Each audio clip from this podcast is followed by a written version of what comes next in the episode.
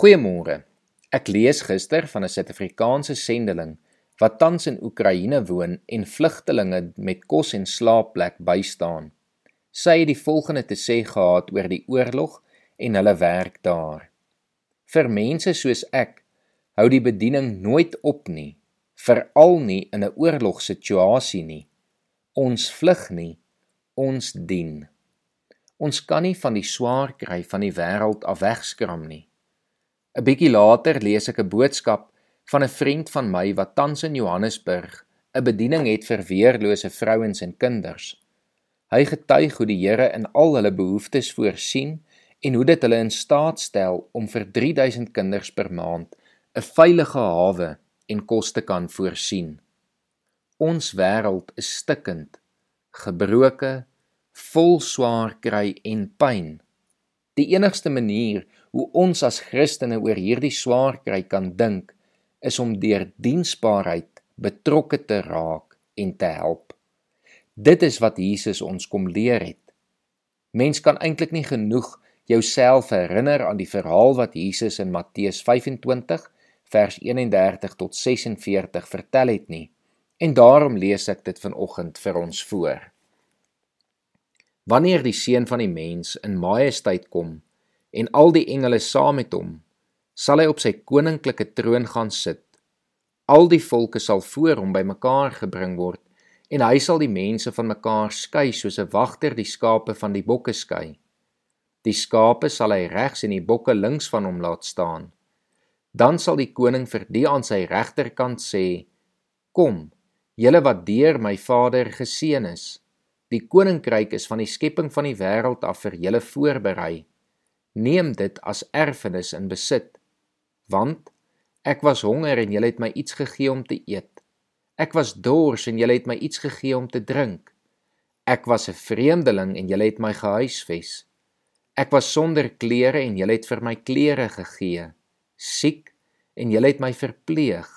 In die tronk en julle het my besoek dan sal die wat die wil van God gedoen het hom vra Here wanneer het ons u honger gesien en u gevoed of dors en u iets gegee om te drink? En wanneer het ons u 'n vreemdeling gesien en u gehuisves of sonder klere en vir u klere gegee? Wanneer het ons u siek gesien of in die tronk en u besoek? En die koning sal hulle antwoord dit verseker ek julle vir sover julle dit aan een van die geringste van hierdie broers van my gedoen het, het julle dit aan my gedoen. Dan sal die koning vir die aan sy linkerkant sê: "Gaan weg van my af, julle vervloektes. Gaan na die ewige vuur wat vir die duiwel en sy engele voorberei is, want ek was honger en julle het my niks gegee om te eet nie. Ek was dors en julle het my niks gegee om te drink nie. Ek was 'n vreemdeling en julle het my nie gehuisves nie." sonder klere en julle het my nie klere gegee nie. Siek en in die tronk en julle het my nie versorg nie. Dan sal hulle ook antwoord: Here, wanneer het ons u honger of dors of 'n vreemdeling of sonder klere of siek of in die tronk gesien en u nie gehelp nie?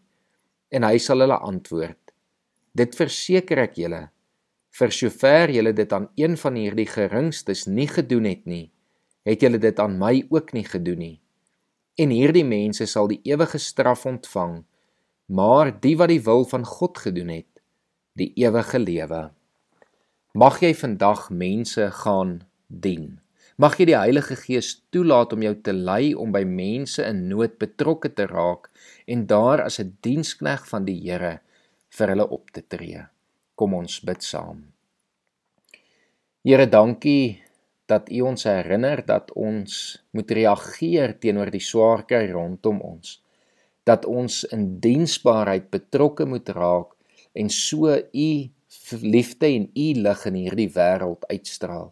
Here ons vra dat U ons vandag ook daarin sal lei en dat U ons sal help, Here, sodat ons met wysheid en insig sal weet by wie en waar ons betrokke moet wees en dat ons daar dan sal help tot die beste van ons vermoë. Ons bid dit in Jesus se naam. Amen.